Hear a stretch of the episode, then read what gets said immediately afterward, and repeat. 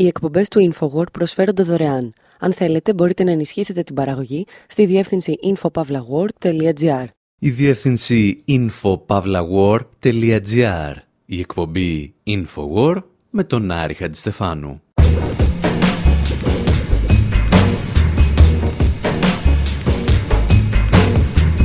όπου σήμερα δηλώνουμε αναθεωρητές της ιστορίας και δεν είναι αυτό που νομίζετε. Υποδεχόμαστε ραδιοφωνικά στην Ελλάδα έναν Ισραηλινό ιστορικό και μια Παλαιστίνια ποιήτρια, τους οποίους μπορείτε να δείτε από κοντά στις 8 Ιανουαρίου στην Αθήνα, σε μια μεγάλη εκδήλωση που διοργανώνει το BDS Greece. Συζητάμε για τον Ιλάμ Παπέ και την Ραφίφ Ζιαντά. Διηγούμαστε την ιστορία τους ακούγοντας ολίγων από σκά και τσαλαβουτώντας σε μια ταινία του Ταραντίνο με κάτι άδοξους μπάσταρδους. Αναρωτιόμαστε αν μπορεί να υπάρξει ειρηνική αντίσταση σε μια κατοχή και καταλήγουμε ότι τελικά αυτό είναι το λάθος ερώτημα. Καταρρύπτουμε μύθους για τη Μέση Ανατολή εμπιστευόμενοι έναν ιστορικό που δηλώνει αναθεωρητής και ο του παραδόξου θαύματος δεν υποστηρίζει τους γερμανοτσολιάδες της χώρας του. Ακούμε ιστορίες για Ισραηλινούς και Παλαιστίνιους πρόσφυγες. The Palestine I know does not have a VIP pass.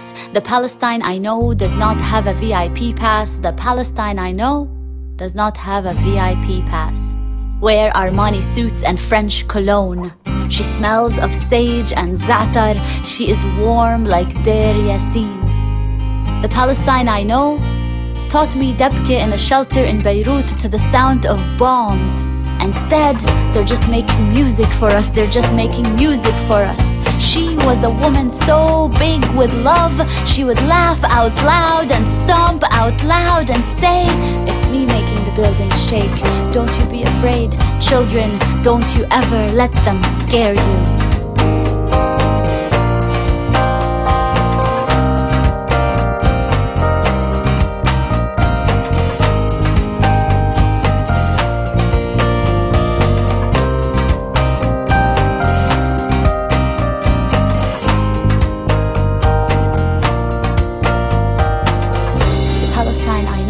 Not have a VIP pass. She held her daughters and waited for her husband on 66 days of hunger strike and told the world his eyes are the most beautiful blue green. I wish you could see them. The Palestine I know does not have a VIP pass. Matter of fact, she is stopped at every port and questioned, her skin inspected for signs of Nakba. She slept on the cold cement of the Cairo airport with her three children around her. And with her eyes in silence, she told them, Your Mubarak will fall. For every Palestinian you have held in these dungeons, one day your Mubarak will fall.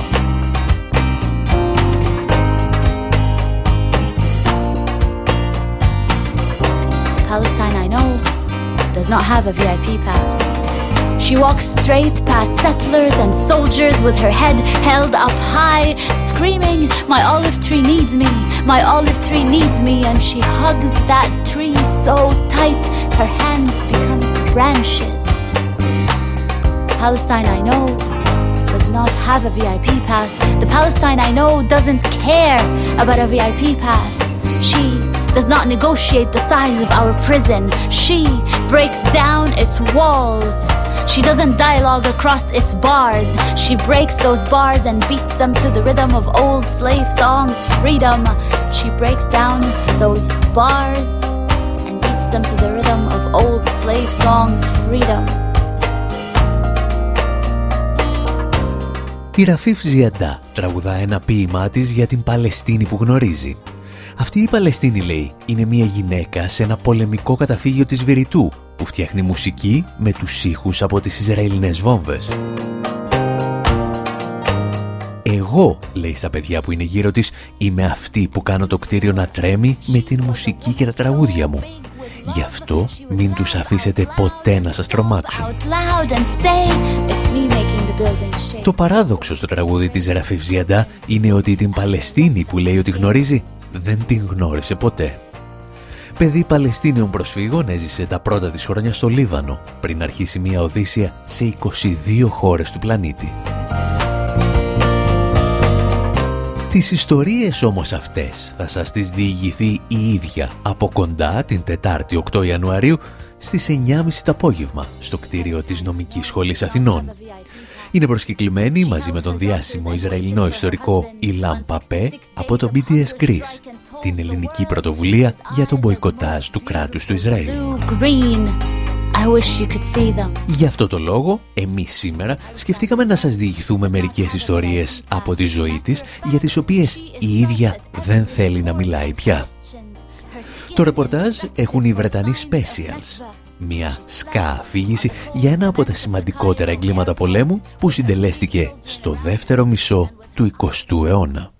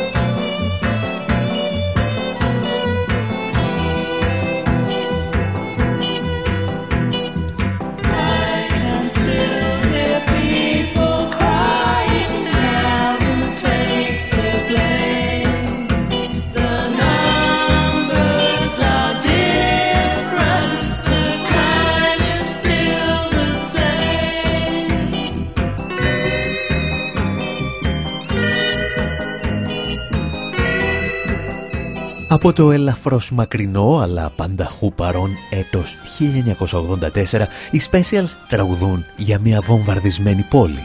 Τραγουδούν για τη Βηρητό. Στο τραγούδι τους με τίτλο War Crimes πραγματοποιούν τον μοναδικό παραλληλισμό που δεν μπορεί να ανεχτεί το κράτος του Ισραήλ.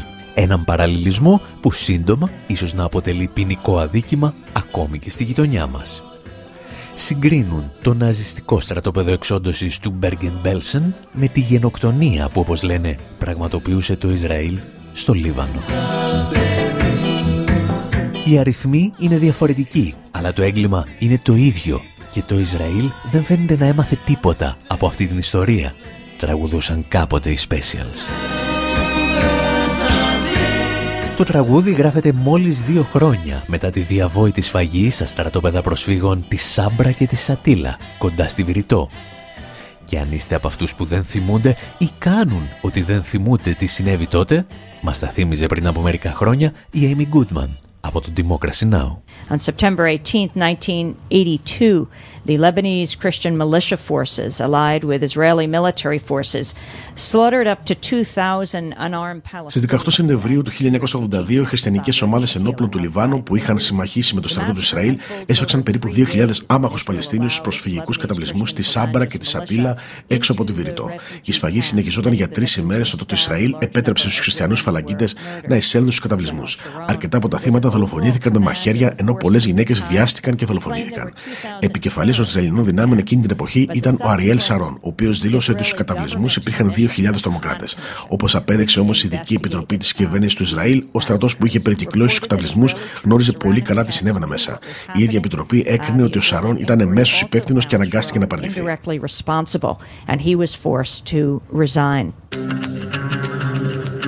Ο βετεράνος απεσταλμένος του BBC, John Simpson, ήταν ο πρώτος δημοσιογράφος που ανακάλυψε τη σφαγή.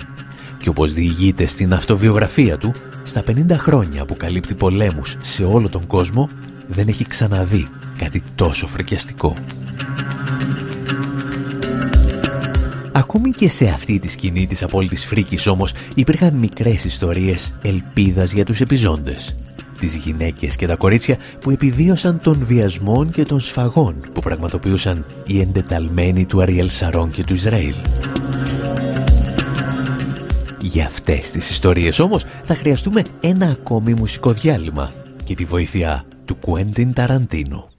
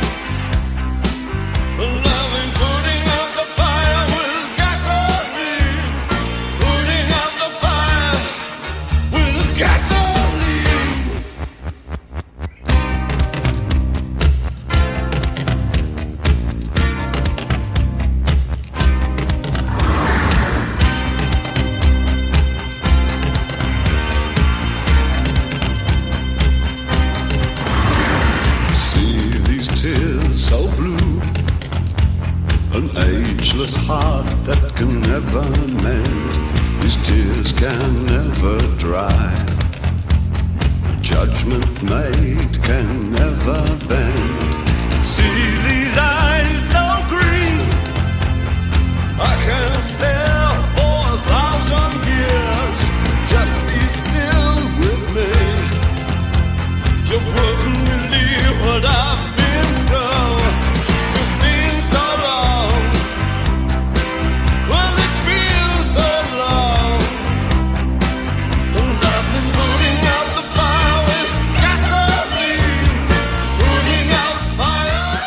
Ο David Bowie ισχυρίζεται πως γνωρίζει πως είναι να σβήνεις μία φωτιά με βενζίνη και ο Quentin Tarantino δανείζεται το τραγούδι του για την ταινία του «Άδοξη Μπάσταρδη».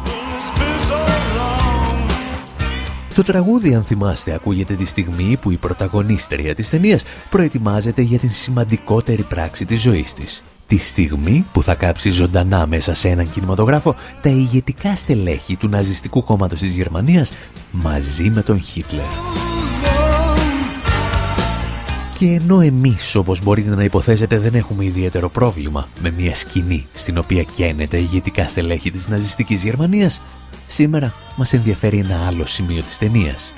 Η σκηνή με την οποία ξεκινούν οι άδοξοι μπάσταρδοι. Ah, mesdames, je vous remercie pour le temps que vous m'avez consacré. Ne nuirons pas votre famille plus longtemps. Donc, monsieur, mesdemoiselles, je prends congé de vous et je vous dis adieu.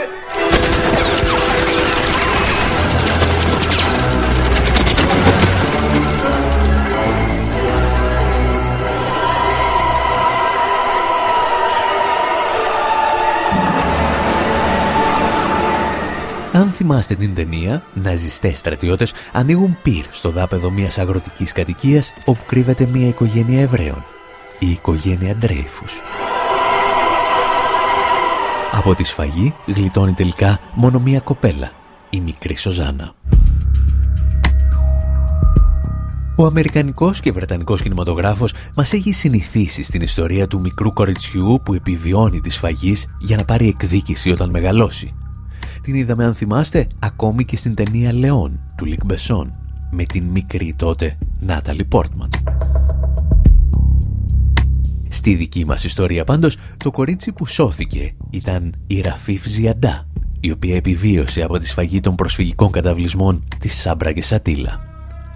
Τα εξηγούσε παλαιότερα το Democracy Now! Rafif was four years old in the um, Shatila refugee camp in southern Lebanon with her parents.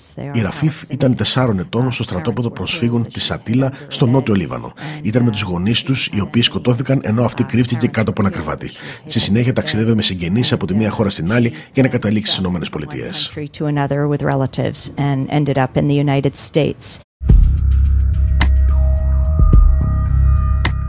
Σήμερα, όπως είπαμε, η Ραφίφ δεν θέλει πλέον να μιλάει για τη σφαγή στη Σάμπρα και τη Σατήλα. Ίσως γι' αυτό ανέλαβε να διηγείται την ιστορία της ο Ντέιβιτ Ρόβικ με ένα τραγούδι του.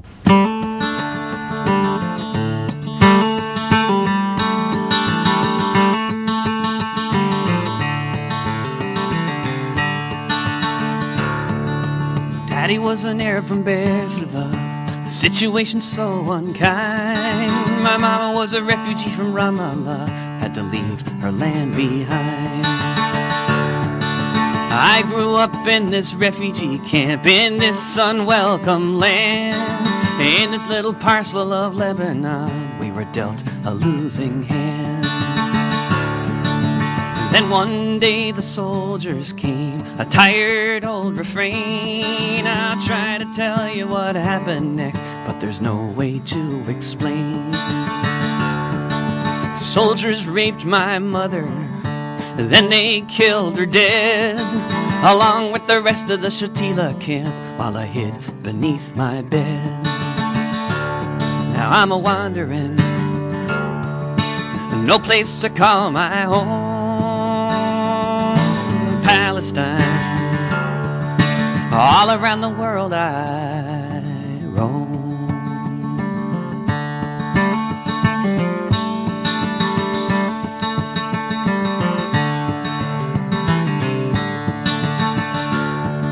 My aunt came over from Jordan, brought me there to live, and together we've moved to half the world. Oh, for peace, what I would give.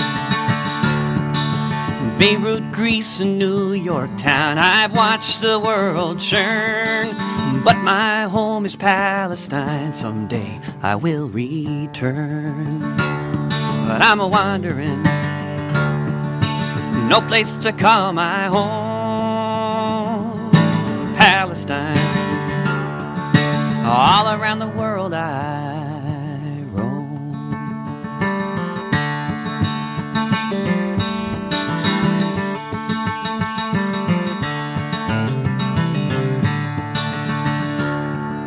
This is my situation here in the heart of the empire. Sent the copters and bulldozers from Ramallah to a funeral pyre. Ο David Rovick διηγείται την πραγματική ιστορία της Παλαιστίνιας ποιήτριας Ραφίφ Ζιαντά. Μιλάει για τους Παλαιστίνους πρόσφυγες γονείς της, για το στρατόπεδο της Σατήλα και τους φαλαγγίτες που σκότωσαν τον πατέρα της και τη μητέρα της, αφού πρώτα τη βίασαν. Και ύστερα ο Ντέιβιτ Ρόβικ διηγείται την Οδύσσια της Ραφίφ, η οποία θα την φέρει σε 22 διαφορετικές χώρες, από τις οποίες θα την απελάσουν οι 15. Απλώς γιατί ήταν Παλαιστίνια. Αυτή την ιστορία όμως λέμε να σας την διηγηθούμε με μερικές ακόμη μουσικές και τραγούδια στο δεύτερο μέρος της εκπομπής, όπου θα γνωρίσουμε και τον μεγάλο Ισραηλινό ιστορικό Ιλάν Παπέ. Εσείς αρκεί να θυμάστε ότι μπορείτε να δείτε και τους δύο ζωντανά την Τετάρτη, 8 Απριλίου, στη Νομική Σχολή Αθηνών, στις 7.30 το απόγευμα. Είναι προσκεκλημένοι του BDS Greece, της ελληνικής πρωτοβουλίας για τον μποϊκοτάζ του Ισραήλ. Και σε λίγο θα πάρουμε μία εικόνα από τα συναρπαστικά θέματα για τα οποία έρχονται να μιλήσουν. Όλες τις σχετικές πληροφορίες. Θα τις βρείτε πάντως στο site bdsgreece.net αλλά και στο info.pavlawar.gr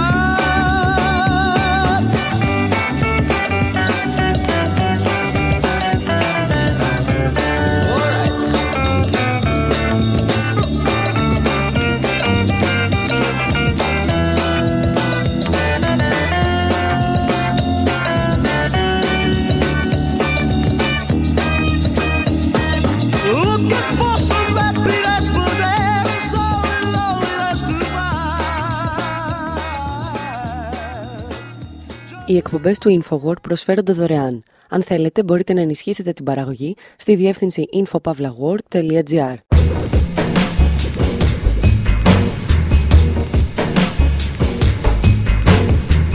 Εκπομπή InfoWord, μέρος δεύτερο. Όπου ακούμε μουσικές και βλέπουμε ταινίες καλωσορίζοντας στην Ελλάδα έναν Ισραηλινό ιστορικό και μια Παλαιστίνια ποιήτρια η οποία επέζησε από τη σφαγή των προσφυγικών καταβλισμών της Σάμπρα και της Σατήλα.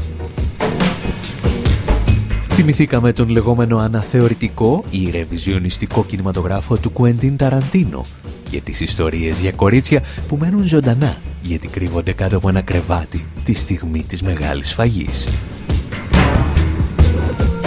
Και τώρα σκεφτόμαστε να μιλήσουμε για το ξαναγράψιμο της ιστορίας που πραγματοποιεί ο μεγάλος Ισραηλινός πανεπιστημιακός Ιλάν Παπέ. Ένα ξαναγράψιμο που καμία σχέση δεν έχει με τους αναθεωρητές που εμείς γνωρίσαμε στην Ελλάδα.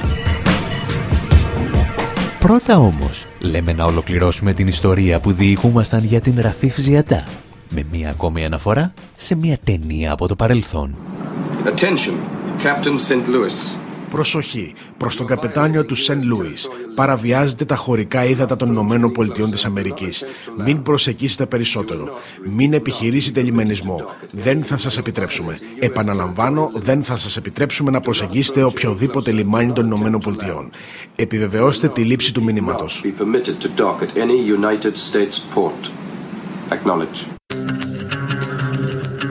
Το ηχητικό απόσπασμα προέρχεται από την κινηματογραφική υπερπαραγωγή της δεκαετίας του 70 «Το ταξίδι των καταραμένων» με τους Max von Sydow και Orson Welles. Η ιστορία όμως είναι πέρα για πέρα αληθινή και μας την εξηγούσαν πριν από μερικά χρόνια οι δημιουργοί ενός καναδικού ντοκιμαντέρ.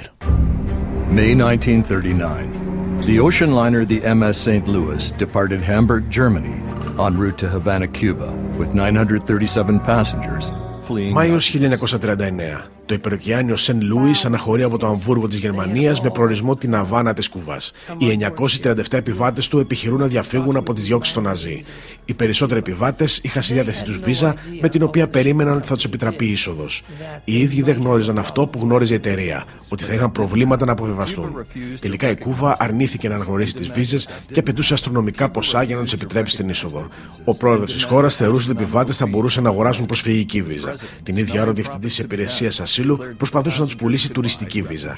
Δεν ήταν όμως διατεθειμένος να μοιραστεί τα κέρδη με τον πρόεδρο.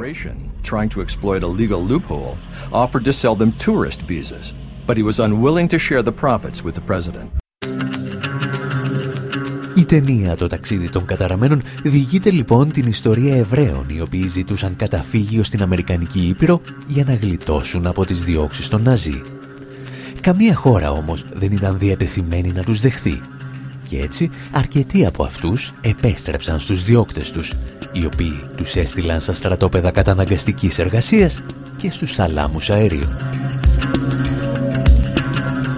Η ιστορία του πλοίου Σεν Λούις είναι η ιστορία κάθε πλοίου με πρόσφυγες οι οποίοι δεν γίνονται δεκτοί από καμία χώρα και καταλήγουν πίσω στην πατρίδα τους για να πεθάνουν. Στη δική μας ιστορία αυτό ακριβώς κινδύνευσε να πάθει η Ραφίφ Ζιαντά γλίτωσε από τις φαγές της Σάμπρα και της Ατήλα του Λιβάνου, αλλά 15 χώρες αρνήθηκαν να την φιλοξενήσουν στο εδαφός τους. Τα εξηγούσε η ίδια πριν από μερικά χρόνια, μιλώντας στο Democracy Now! Like every Palestinian after it, we were just roaming all around the world. We went to Όπως συνέβη και με κάθε Παλαιστίνιο μετά τη σφαγή, γυρνούσαμε σε όλο τον κόσμο. Ταξιδέψαμε σε 22 χώρες και μας απέλασαν σε 15 από αυτές, επειδή ήμασταν Παλαιστίνοι. Αυτό που δεν καταλαβαίνει ο κόσμος είναι πως για κάθε περιστατικό που συμβαίνει σε κάθε γωνιά του κόσμου, αποδίδουν την ευθύνη στους Παλαιστίνιους γιατί δεν έχουμε κράτος και κυβέρνηση να μας προστατεύσουν. Κάθε φορά λοιπόν αναζητούν τους συνήθεις ύποπτους και τους βρίσκουν στους Παλαιστίνιους. Μας απέλασαν λοιπόν από 15 χώρες επειδή ήμασταν Παλαιστίνοι. Εγώ κατέληξα στις ΗΠΑ όπου μπόρεσα να κάνω το μεταπτυχιακό μου. Ύστερα όμως ήρθε η 11η Σεπτεμβρίου και όλα ήταν φρικτά. Στη σχολή δεχόμουν καθημερινά φρικτά σχόλια.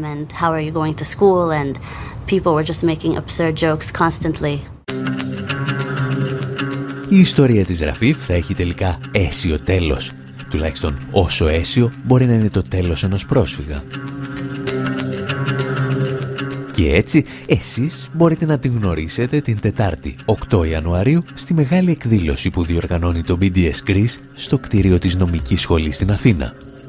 Και αν είστε τυχεροί μπορεί να την ακούσετε να απαγγέλει και κάποιο από τα ποίηματά της όπως το We Teach Life. Διδάσκουμε τη ζωή. Today, my body was a TV massacre. Today, My body was a TV massacre that had to fit into sound bites and word limits. filled enough with statistics to counter measured response. So I perfected my English. And I learned all my UN resolutions. I perfected my English and I learned all my UN resolutions, but still, he looks me straight in the eyes and asks me, Ms. Ziada, wouldn't everything be resolved if you Palestinians would just stop teaching so much hatred to your children? Pause. I look inside of me for strength to be patient. I look inside of me for strength to be patient, but patience is not at the tip of my tongue as the bombs drop over Gaza. Patience has just escaped me. Pause. Remember to smile. Rafif, you're on camera. Remember to smile. Remember to keep it together. Pause. We teach life, sir. We teach life, sir, after they have occupied the last skies. We teach life, sir, after they have built their settlements and their apartheid walls. After the last skies. We teach life, sir. Στο ποίημά της We Teach Life, η Ραφίφ περιγράφει την προσωπική της σχέση με τα μέσα ενημέρωσης. Μια Παλαιστίνια πρόσφυγας, η οποία για να κερδίσει μερικά δευτερόλεπτα τηλεοπτικού χρόνου πρέπει να είναι όμορφη, να λέει ανθρώπινες αλλά όχι πολιτικές ιστορίες και να έχει αποστηθήσει όλα τα ψηφίσματα του Οργανισμού Ηνωμένων Εθνών. Medication, just medication. Shh. We're not speaking about that word occupation. Shh. Don't mention that word apartheid, just medication. Αυτή τη διαρκή μάχη για τον ελάχιστο χρόνο που δικαιούται όποιος στηρίζει τους Παλαιστίνιους και ασκεί κριτική στο Ισραήλ δίνει εδώ και δεκαετίες και ο Ιλάμ Παπέ, ένας από τους σημαντικότερους ιστορικούς του Ισραήλ. Ένας άνθρωπος που γεννήθηκε στην πλευρά των ισχυρών, αλλά πέρασε στην σωστή πλευρά της ιστορίας και γι' αυτό κατέληξε πανεπιστημιακός πρόσφυγας. Ο Ιλαν Παπέ θα ζήσει τη δική του ακαδημαϊκή εξορία στο Λονδίνο, όταν συνειδητοποιεί ότι η χώρα που κάποιοι αποκαλούν μοναδική δημοκρατία στη Μέση Ανατολή δεν μπορεί να ανεχθεί τις απόψεις του. Τα εξηγούσαν τα δελτία ειδήσεων του 2007. A prominent Israeli historian has announced he's moving to Britain because he's found it increasingly difficult to keep living in Διακεκριμένος Ισραηλινός ιστορικός ανακοίνωσε ότι μετακομίζει στη Βρετανία καθώς θεωρεί ότι γίνεται όλο και δυσκολότερο για τον ίδιο να ζει στο Ισραήλ. Ο Ιλάν Παπέ είναι ανώτατος λέκτορας στο Πανεπιστήμιο της Χάιφα και ασκεί σκληρή κριτική στον τρόπο με τον οποίο οι Ισραηλινοί αντιμετωπίζουν τους Παλαιστίνιους. Ο Παπέ ανέφερε ότι λαμβάνει καθημερινά απειλητικά τηλεφωνήματα και πως υπήρξαν προσπάθειες να εκδιωχθεί από το Πανεπιστήμιο. Στη Βρετανία, ο Παπέ θα διδάσκει στο Πανεπιστήμιο του Έξετερ. University. In Britain, Pape will teach at Exeter University. Ο Ιλαν Παπέ ανήκει στη λεγόμενη σχολή των νέων ιστορικών του Ισραήλ, οι οποίοι αποφάσισαν να ξαναγράψουν την ιστορία της χώρας τους. Σε αντίθεση όμως με αυτούς που εμείς γνωρίσαμε στην Ελλάδα με τον όρο αναθεωρητές, ουσιαστικά δηλαδή ορισμένους ακαδημαϊκά ανεπαρκείς λάτρεις των ταγμάτων ασφαλείας, οι νέοι ιστορικοί του Ισραήλ κάνουν κάτι πολύ σημαντικό. Καταρχήν στηρίζονται σε πραγματικά στοιχεία, τα οποία άντλησαν από τα επίσημα αρχεία του Ισραήλ, όταν αυτά έγιναν διαθέσιμα 30 χρόνια μετά την πρώτη κυκλοφορία τους. Και με αυτά τα στοιχεία του Ισραηλινού κράτους αμφισβητούν την επίσημη ιστορία του Ισραηλινού κράτους. Μεταξύ των νέων ιστορικών συναντά κανείς συντηρητικούς ή και αντιδραστικούς επιστήμονες, όπως ο Μπένι Μόρις, που επινόησε και τον όρο. Αντίθετα, ο σοσιαλιστής Ιλάν Παπέ θα αφιερώσει τη ζωή του στην προάσπιση των δικαιωμάτων των αδυνάτων, δηλαδή των Παλαιστινίων. Ο Παπέ θα εξετάσει μεθοδικά τους μύθους που οικοδομεί εδώ και δεκαετίες ο μηχανισμός προπαγάνδας του κράτους του Ισραήλ και θα τους ανατρέψει έναν προς έναν. Το κάνει, λόγου χάρη με εξαιρετικό τρόπο, στο βιβλίο του «10 μύθοι για το Ισραήλ». Για τον ίδιο, ένας από τους πρώτους μύθους που πρέπει να καταρριφθεί είναι ότι οι Εβραίοι ζούσαν για πάντα στη Μέση Ανατολή και ήρθαν να τους διώξουν κάτι Παλαιστίνοι.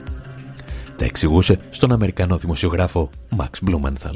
I think it's deeper than that. It represents a very a, a deep Israeli Jewish conviction that they are the indigenous people of Palestine and the Palestinians are the settlers. Πρόκειται για μια πολύ βαθιά ριζωμένη βεβαιότητα των Ισραηλινών Εβραίων ότι αυτοί είναι οι αυτόχθονες κάτοικοι της Παλαιστίνης και οι Παλαιστίνοι είναι οι έπικοι, είναι οι ξένοι. Αυτή είναι η αρχή του προβλήματος. Να λέμε δηλαδή ότι εμείς είμαστε οι αυτόχθονες παρά το γεγονός ότι δεν ζούσαμε εκεί τα τελευταία εκατοντάδες ή και χιλιάδες χρόνια. Νομίζω πως ο μόνος τρόπος να αμφισβητήσεις αυτή την αντίληψη είναι χρησιμοποιώντας θεωρίες για την επικιστική απεικιοκρατία. Δεν είναι ασυνήθιστο για ένα επικιστικό κίνημα να ισχυρίζεται ότι είναι ο αυτόχθον λαός της περιοχής που καταλαμβάνει. Ουσιαστικά πραγματοποιεί τον επικισμό και στη συνέχεια προχωρά σε μια γενοκτονία.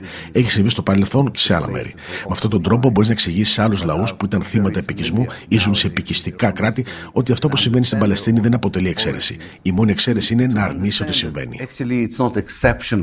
It's not exception. The only exceptional part of it is the denial. Ο Ισραηλινός Ιλαμπαπέ λοιπόν ξεκαθαρίζει από την πρώτη στιγμή ποιοι είναι οι αυτόχθονες και ποιοι είναι οι ξένοι.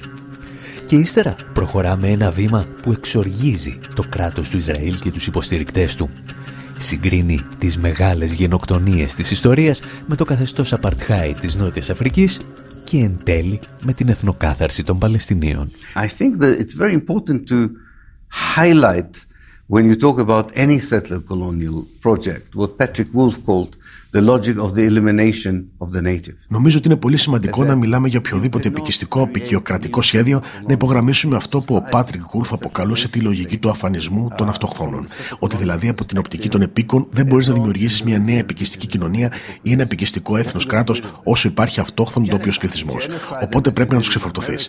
Και το κάνεις είτε με γενοκτονία όπως έγινε στην Αμερική, με ένα καθεστώς apartheid όπως στην Νότια Αφρική ή μια εθνοκάθαρση όπως στην Παλαιστίνη. Οι μέθοδοι ποικίλουν από τη μία ιστορική διαφορετική περίπτωση στην άλλη, αλλά η λογική είναι ίδια. Και το ξεθαύμαστο είναι ότι αυτή η λογική ακόμα νομιμοποιείται στον 21ο αιώνα, στην περίπτωση του Ισραήλ.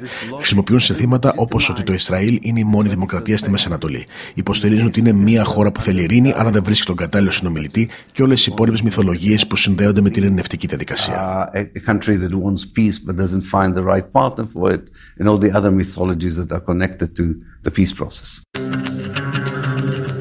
Αφού καταρρύπτει τους μύθους που οικοδομεί η επίσημη ιστορία του Ισραήλ και εξηγεί τη διαφορά ανάμεσα στο σιωνισμό και τον αντισημιτισμό, έννοιες που κάποιοι επιμένουν εσκεμένα να συγχέουν, ο Ιλάμ Παπέ καλείται συνήθως να δώσει μια κρίσιμη απάντηση. Και τώρα τι μπορούμε να κάνουμε; Απαντήσεις σε αυτό ύστερα από ένα μικρό διαλυματάκι. I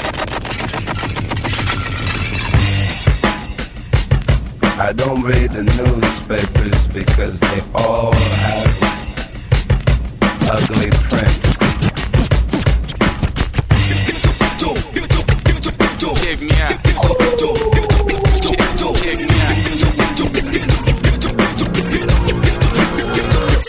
At the starting of the week, at Summit Talks, you'll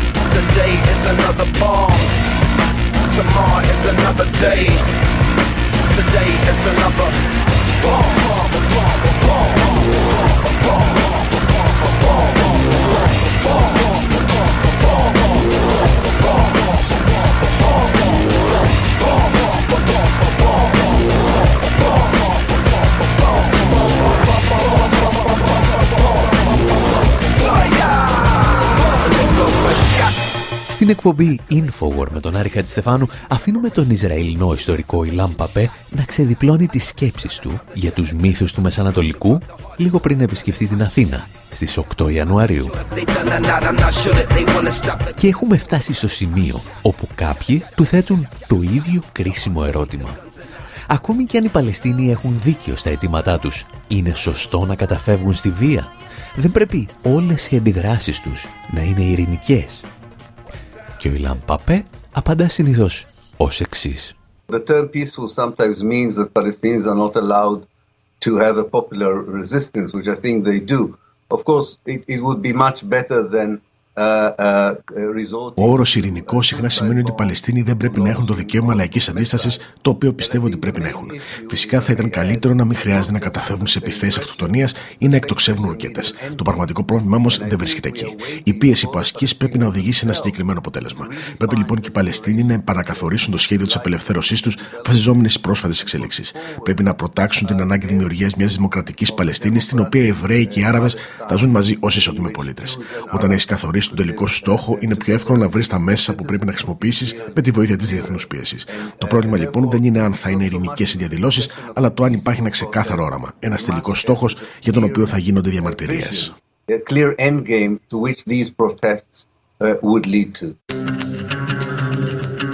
Προσέξτε ότι σε μία του πρόταση ο Ισραηλινός ιστορικός αναγνωρίζει στον κατακτημένο το δικαίωμα να αμήνεται ακόμη και με τη βία απέναντι στον κατακτητή. Η σκέψη του όμως προχωρά ένα βήμα περισσότερο. Το ερώτημα λέει δεν είναι το μέσο, αλλά ο τελικός στόχος. Μια δημοκρατική Παλαιστίνη για Εβραίους και Άραβες. Εδώ, όπως καταλαβαίνετε, τοποθετεί και μια βόμβα μεγατόνων. Ο Ιλαν Παπέ απορρίπτει από τα αριστερά τη λύση των δύο κρατών και υιοθετεί τη λύση ενός κράτους για Ισραηλινούς και Παλαιστίνιους. Και αυτό το επιχείρημα προκαλεί βραχικύκλωμα στο εσωτερικό του Ισραήλ γιατί καταρρύπτει έναν ακόμη μύθο του. Settler colonialism made certain connections or made certain assumption which were accepted in the 19th century but looked ridiculous, inhuman, η επικιστική απεικιοκρατία δημιούργησε συγκεκριμένες συνδέσεις, συγκεκριμένες υποθέσεις που ήταν αποδεκτές τον 19ο αιώνα, αλλά έμοιαζαν γελίες, απάνθρωπες και αντιδημοκρατικές τον 20ο αιώνα. Και όμως στη συγκεκριμένη περίπτωση του Ισραήλ παραμένουν σε ισχύ. Για παράδειγμα, ο ισχυρισμός πως ο μόνος τρόπος για να δημιουργήσει μια δημοκρατία σε μια χώρα με επίκους και αυτόχθονες είναι η έπικη να είναι πάντα η πλειοψηφία. Αυτό είναι το επιχείρημα των φιλελεύθερων σιωνιστών, όχι των δεξιών. Για τους φιλελεύθερους σιωνιστές, όλη η ειρηνευτική διαδικασία είναι βασισμένη στην ιδέα πως ο μόνος τρόπος για να διατηρηθεί δημοκρατία δημοκρατία είναι αν οι Εβραίοι αποτελούν την πλειοψηφία. Πρόκειται για μια γελία εικασία που σε οποιοδήποτε άλλο πλαίσιο θα απορριπτόταν ως ρατσιστική. Αλλά στην περίπτωση του Ισραήλ είναι αποδεκτή. Είναι αδιανόητο ότι μορφωμένοι και πραγματικά διαβασμένοι άνθρωποι στη Δύση δεν το βλέπουν αυτό. σω το βλέπουν και αποφασίζουν να το αποδεχθούν. σω το κάνουν γιατί έχουν ενοχές απέναντι στους Εβραίους. σω λόγω αντισημιτισμού ώστε να μην επιλέξουν οι Εβραίοι να μείνουν στην Ευρώπη. Ποιος ξέρει. Ο καθένας είχε τους δικούς του λόγους uh, anti-Semitism because they didn't want the Jews to, to stay in Europe. God knows why. Everyone had their own reasons. Ο Ιλαν Παπέ θα βρίσκεται λοιπόν στην Αθήνα την Τετάρτη 8 Ιανουαρίου στο κτίριο της Νομικής Σχολής Αθηνών για να αναλύσει τις ρισοσπαστικές απόψεις του. Θα είναι προσκεκλημένος μαζί με την Ραφίφ Ζιαντά από το BDS Greece, την ελληνική πρωτοβουλία για τον μποϊκοτάζ του κράτους του Ισραήλ. Ένα μποϊκοτάζ που όπως λέει είναι ένα από τα ισχυρότερα όπλα που αναπτύχθηκαν τα τελευταία χρόνια απέναντι στα εγκλήματα που πραγματοποιούνται εναντίον των Παλαιστινίων. Well, I think we already have some uh, very encouraging beginning in the form of the BDS movement, the boycott, divestment and sanction movement. Νομίζω πως έχει γίνει ήδη μια πολύ ενθαρρυντική αρχή με το κίνημα PDS, το κίνημα για μποϊκοτάζ, απόσταση επενδύσεων και κυρώσεις. Έχει κινητοποιήσει με επιτυχία τη διεθνή κοινή γνώμη και έστειλε ένα πολύ ισχυρό μήνυμα στο Ισραήλ ότι οι συνεχιζόμενες πολιτικές καταπίεσεις δεν είναι αποδεκτές και έχουν σημαντικό τίμημα.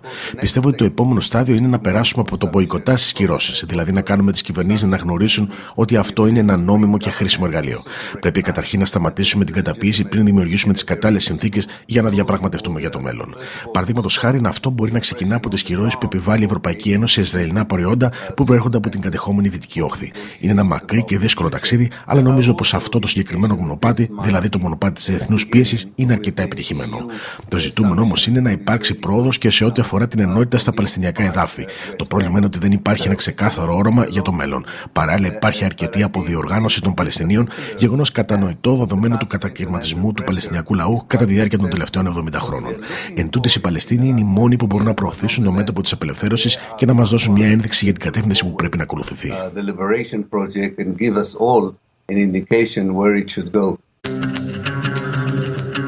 Εμείς πάλι κάπου εδώ θα σας αφήσουμε και για αυτή την εβδομάδα. Να θυμάστε πως ό,τι λέμε και ό,τι γράφουμε καταλήγει πάντα στο site μας info.pavlawar.gr Μέχρι την επόμενη εβδομάδα, από τον Άρη Χατζηστεφάνου στο μικρόφωνο, τον Ανδρέα Κοσιάρη στις μεταφράσεις και τον Δημήτρη Σταθόπουλο στην τεχνική επιμέλεια, γεια σας και χαρά σας.